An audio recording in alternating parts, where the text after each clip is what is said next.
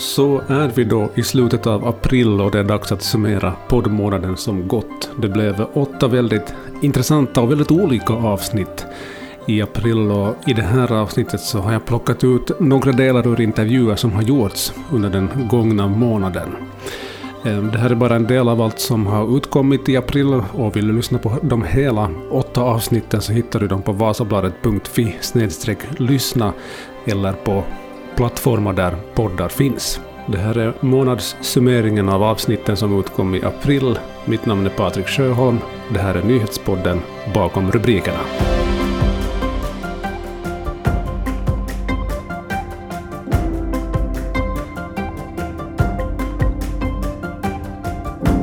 Vi ska börja med ett avsnitt som handlade om hur unga mår under coronapandemin. Diskussionen med Patrik Söderberg på Åbo Akademi bottnar i en undersökning som Vasabladet Österbottens Tidning och Sydösterbotten gjorde för en tid sedan.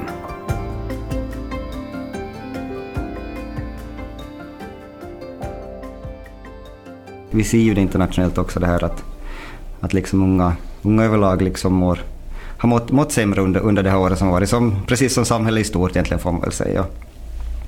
Det, det, det, som man märker ändå också då man ser, ser lite på de här öppna svaren som finns i den här enkäten också så, så, så framkommer det också att, att det kan liksom vara Ibland är det liksom det här coronan och det som kommer med den på något vis. Det, det, är liksom, det är nedstängningar och man får inte träffa kompisar eller olika evenemang är uppskjutna och sånt. Eh, man måste ha masker på sig och liksom eh, hela den, den biten.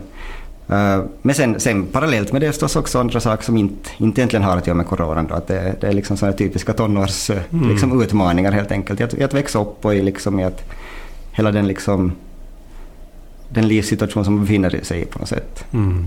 Mm. Så det, det, det, ska ju på nyss sägas också att, att, att av de här som, som, som uppger att de mår dåligt så är det ju inte liksom alla, alla som gör det på grund av just hur speciellt det här året har varit. Uh, på något vis tänker jag kanske att det Ja, jag, jag funderar lite nästan på det blir nästan en sorts sån fyrfält det där mellan, mm. mellan liksom att hur man mår och, eh, och det här liksom vilken in, influens eller vilken, vilken påverkan coronan har. Att, liksom att vi har, vi har liksom de som mår dåligt uh, på grund av coronan och vi har de som mår dåligt av andra orsaker. Mm. Och sen också de som inte mår dåligt och de som till och med mår bättre tack vare liksom den här situationen som, som det medför sig att man inte har behövt kanske vara i skolan. Mm. Eller att man liksom haft fått mera tid med familjen eller man har haft liksom mera tid att fundera på vad man själv vill med sitt liv. Mm. Så, så på något sätt, samtidigt som det finns de här oroväckande siffrorna, kanske man får ändå få sig i, i, det här, i den här undersökningen, så tycker jag också att det finns som, det som slår mig på något vis, det jag ser på det, att, att liksom vilken variation det finns också i, ja. i hur unga har det och hur unga liksom har, har tagit sig an liksom den situationen på något sätt. Mm. Ja, precis. För, för det som du är lite inne på här, så vi, vi ska ju uppmärksamma det faktum att 34 procent av de som svarar på enkäten så svarar att de mår väldigt bra. Hur, mm. Kan man säga någon förklaring till varför? Alltså det är väldigt stora variationer här. Ja, det, det, det är nog det. Och, och fråga också det att, liksom att hur, hur nöjd är man med sitt liv just nu? Och, och där ser jag att ungefär hälften svarar att, att de är ganska nöjda och liksom trivs man i skolan så har vi två tredjedelar ungefär som säger att, att man, man trivs i skolan. Mm. Uh, sen finns det också liksom det finns lite åldersskillnader också i det här materialet. Liksom att, att de som är yngre så tenderar liksom att rapportera att de mår, mår bättre, äh, trivs bättre i skolan och sånt, medan, medan speciellt liksom äldre tonåringar kanske så, så är de unga vuxna som liksom äh, har upplevt det kanske extra utmanande och, och stressande den här situationen. Mm. Äh, men, men precis som du säger, alltså att, att det, det är ju många som mår väldigt bra också. Det är, de, det är också de som skriver att, att att oj, nu lärde jag mig att volta här under den här liksom lockdown. Ja, eller, ja. eller nu fick jag äntligen tid att sitta och liksom fundera på, på hur, hur jag vill ha det i mitt liv. Eller, eller att jag är kanske ganska blyg av mig och, och, och, det var nästan ganska skönt det här att få, liksom, få vara lite för sig själv ett tag. Så det, det, det finns ju som en väldigt, väldigt stor spännvidd. Då. Och, och det där ser vi ju som det där ser vi hela tiden på något vis också i samhället. Att, att vi pratar om unga mår så, så har vi liksom vi har många som mår väldigt bra ändå. Och det, det är ändå på något vis grundläge på något vis att må tillräckligt bra och sådär. Mm. Men sen finns det förstås också de som, de som har det sämre. Och, och där då en av de som har det sämre och som, som på något sätt rapporterar någon form av psykisk ohälsa kanske. Så, så där också så får man kanske göra lite skillnad mellan, mellan å ena sidan de som rapporterar mer så här ska jag säga, psykiska besvär. Kanske att man känner sig orolig, man har svårt att sova, man känner sig stressad och sånt. Uh, och sen å andra sidan då som har mera kanske rapporterar liksom, eller diagnostiseras med någon form av psykisk sjukdom eller, eller liksom någon form av neuropsykiatrisk funktionsnedsättning och sånt liksom, som är mera, mera gravare former. Mm. Och, och förstås i en sån här undersökning så sam, samlas ju allting lite under samma tak på något Precis. sätt. Ja. Uh, så också i de där som mår, de som rapporterar här uppe att man mår dåligt så finns det förstås en väldigt stor, mm. stor liksom spännvidd på något sätt. Och från hur unga mår i coronatider hoppar vi över till fotboll. Nu är Vasa IFKs damer igång med säsongen i division 1, men inför säsongstarten diskuterade jag och Vasabladets sportjournalist Lilian Hellström vilka möjligheter Vasa IFK har att återupprepa förra säsongens framgångar. Så här säger Lilian om årets trupp. Ja, och stommen är ju nog i stort sett samma. Att om man tänker att kanske hälften av de som var startspelare i fjol är nog kvar i laget. Men sen har det förstås också några ramlat bort på grund av skador och på grund av att de har lagt skorna på hyllan. Och sen så har det kommit ganska många nyförvärv, intressanta sådana som jag tror att också är en, en stor förstärkning till, till laget. Mm. Så att det blir som en, en blandning mellan nytt och gammalt och, och, jag tror att det kan bli en riktigt bra kombo Precis. där. Mm. Vad finns det för nya namn bland nyförvärven? Finns det några exempel? Ja, no, vi har ju från uh, Myran, eller hon hade senast spelat i, i Myran, är Tanja Ali Martila.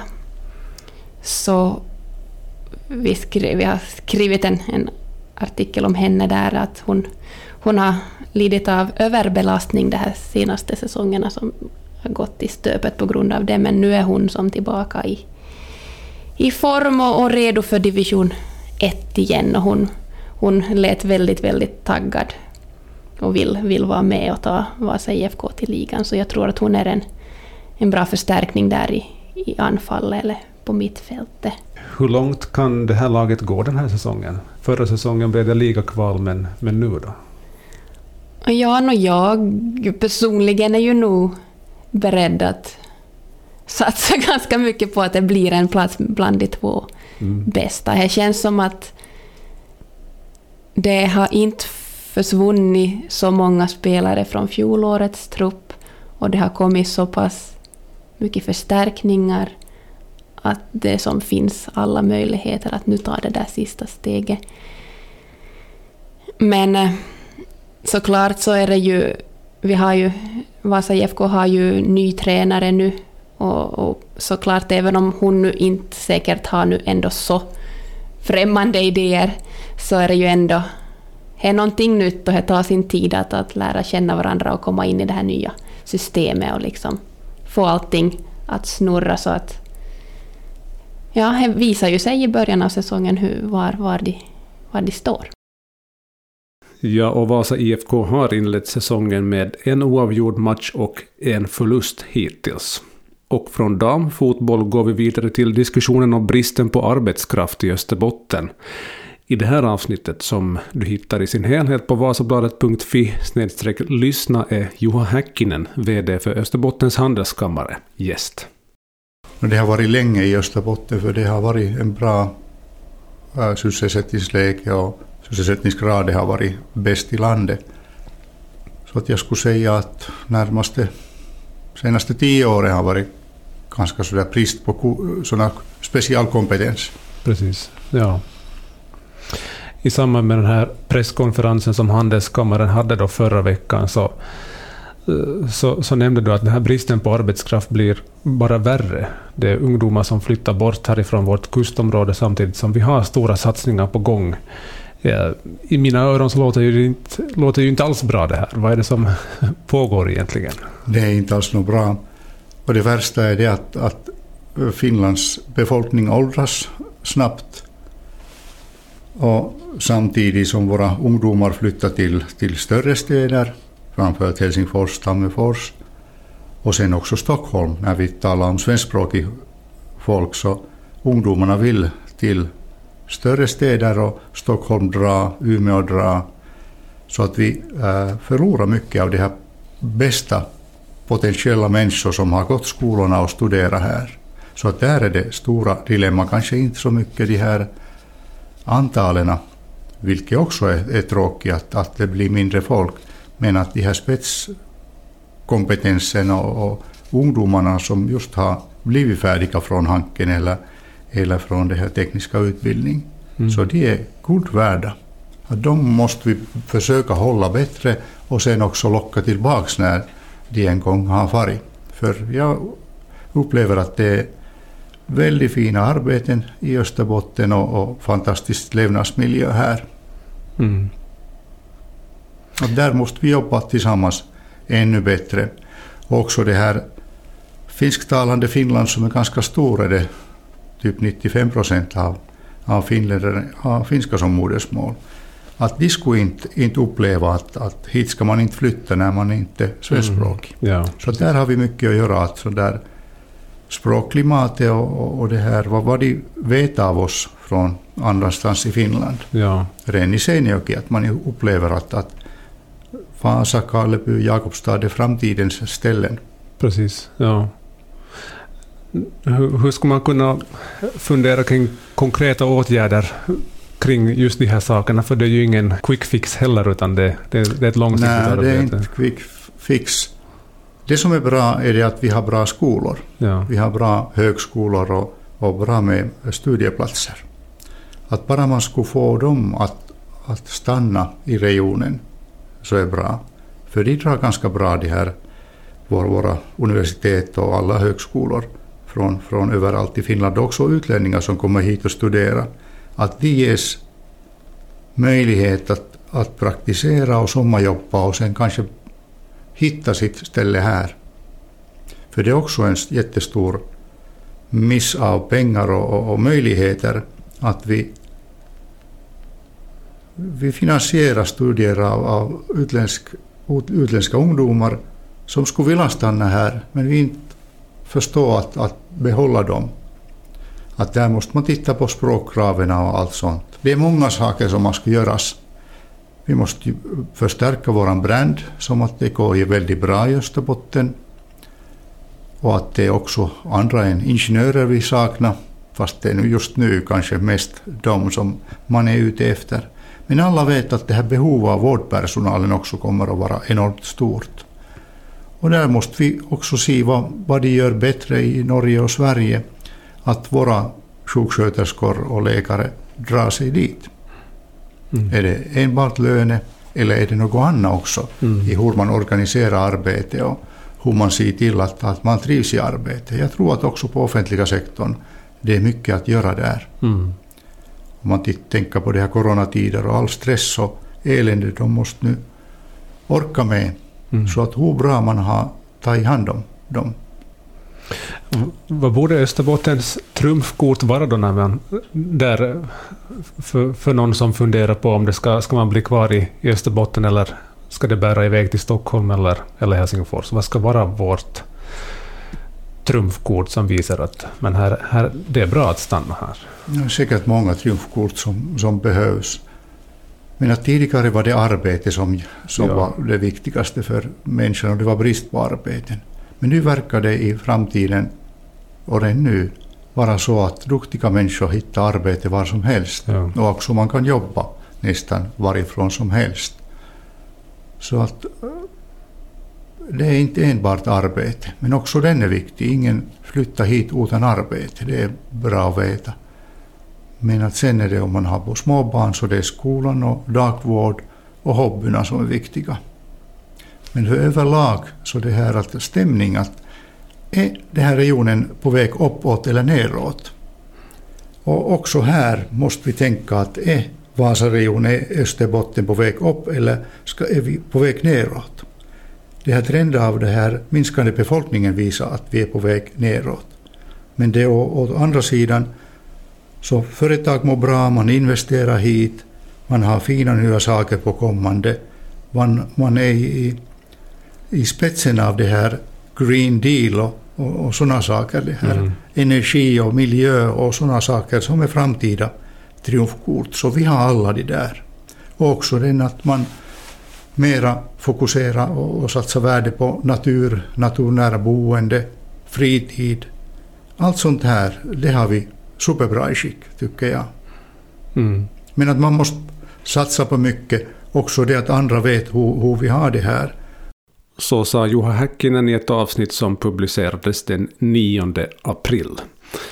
Och till näst här så ska vi höra Jockum Nyberg från Vasa som numera bor i London. Storbritannien har varit hårt drabbat av covid-19 men då jag pratade med Jockum var britterna på väg ur sin tredje nedstängning.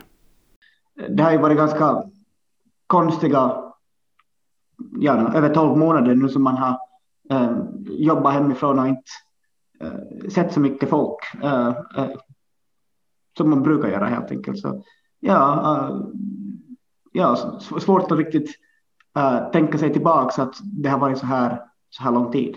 Mm. Läget i Storbritannien har varit rätt tufft periodvis och det har varit hårda restriktioner. Hur, hur har du själv upplevt och påverkats av de här restriktionerna? Ja, jag har inte varit, praktik, praktiken har inte varit in till kontoren mer än tre, fyra dagar sedan mars i fjol. Ja. Uh, så jag, jag jobbar hemifrån här i Acton Town från mitt vardagsrum nu, nu över ett år. Så nu blir det ju ganska trögt att, att sitta hemma och jobba så här. Eh, men man, man vänjer sig förvånansvärt fort ändå. Hur tror du att eh, ja, hur, du, hur, hur, du själv men också liksom folk överlag kommer att reagera nu när samhället då öppnar stegvis igen? Kommer alla att rusa till pubbar, gym och frisörsalonger eller samtidigt har ju Boris Johnson då höjt ett varningens finger här och sagt att folk måste bete sig ansvarsfullt. Förståeligt att han säger det också, men hur tror du, hur kommer reaktionerna att vara? Ja, alltså vi har gjort det här ett par gånger redan. Vi har ju rutin på hur folk reagerar. Det är ju tredje lockdown det här. Ja. Eh, så jag, jag, jag, jag, kan nog med ganska stor säkerhet säga att um, pubbarna här i Acton, både runt hörnet och på Storgatan, kommer vara smockfulla praktiskt hela dagen oberoende väder. Ja. Nu är det speciellt varmt här. Vi var ner till Borough Market. Um, de, det har ju varit upp hela tiden för det är utomhus mm. um, och säljer mat. Så det är liksom uh, perfekta uh, coronasäkra utflyktsmål om, om man säger som så. Uh, men jag var dit första gången att se som så där mycket folk på ett och samma ställe var liksom uh, sinnesintrycken var ganska sådär uh, överväldigande. Mm, Man har ja. liksom sett folk i lokala butiken och det är liksom det. Mm. Um, så ja, det var relativt konstigt måste man nog säga. Vad skulle du säga, vad är liksom stämningen överlag i, i England nu efter över 12 månader av restriktioner och lockdowns? Jag skulle nog säga att folk är ganska innerligt trötta på, uh, trötta på det helt enkelt. Uh, ja. Har fått ganska nog. Um, det är lite som uh, då förra lockdownen tog slut mot sommaren. Um, alltså den första som tog slut mot sommaren. Då var det ju nog liksom folk trodde att det var uh, mer eller mindre över. Uh, då, uh, men nu vet man ju bättre med det och att vi hade inte något vaccin den gången så jag, jag tror det är liksom samma lättnad och som känns fast kanske, kanske folk har lite mer förtroende för att det eh, för, för myndigheternas eh, meddelande att det här kommer att vara sista gången vi behöver använda det här verktyget. Mm. Så att säga. Mm. Och vi fortsätter här i bakom rubrikerna på det brittiska temat för i mitten av den här månaden så blev det då klart att Johnson Matty reserverat en tomt på det så kallade Gigavasa-området. Tanken är att bygga en batterimaterialfabrik som tillverkar katodmaterial. Det här har vi kunnat läsa mycket om på Vasabladets nyhetssajt den senaste tiden. Jag pratade med Markus Lillqvist, journalist på Vasabladet, samma dag som nyheten om fabriken kom. Det som har nämnts här eh, är några hundra som skulle jobba på den nya fabriken. Men eh, alltid när det gäller den här typen av storindustrisatsningar så blir ju effekterna, kringeffekterna enormt stora. Så antagligen rör det sig om sysselsättande faktor på ett, kanske ett par tusen människor. Och sen om man liksom drar spåret ännu lite längre så är ju en sån här eh, katodfabrik som det heter, så är ju liksom egentligen det första steget, det, eller egentligen det sista steget av eh, råvaruförädlingen. Eh, från när man har det här katodmaterialet i handen så är det ju bara att börja bygga batterier. Mm. Och klart, det behövs andra ingredienser också, men katodmaterialet är liksom kärnan i eh, de här litiumjonbatterierna. Så det har ett oerhört stort värde, den här produkten som de ska göra i den här fabriken.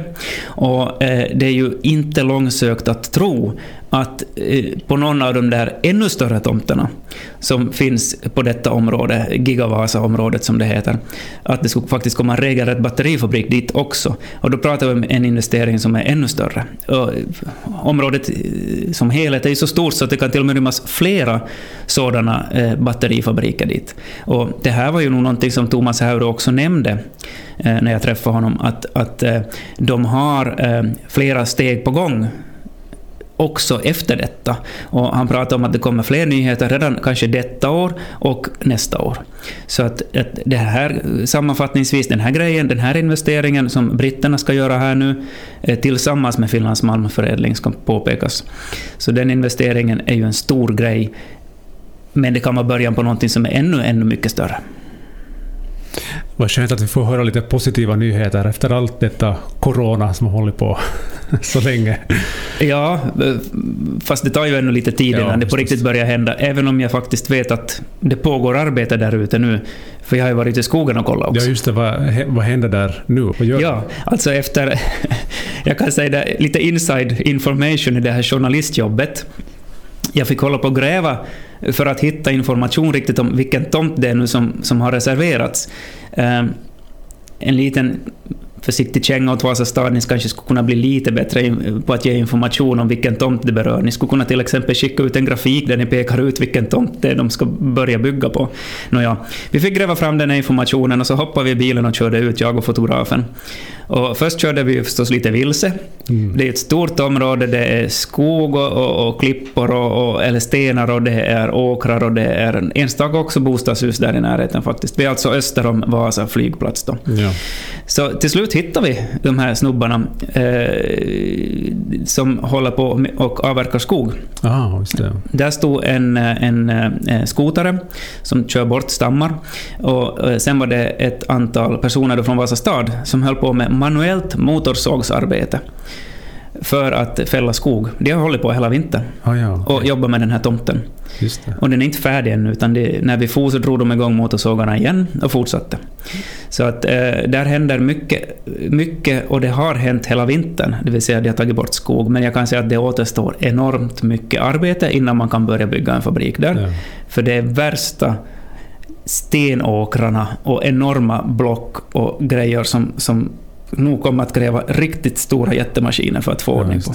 En del arbeten har påbörjats redan på plats, som vi hörde att du sa här, men uh, lite öppnar upp. Vad kommer man att börja tillverka på den här fabriken i Vasa då, 2024? Precis. Ja. Uh, batterier består ju av katod och anod. Det är de två som är liksom magin i, batterier.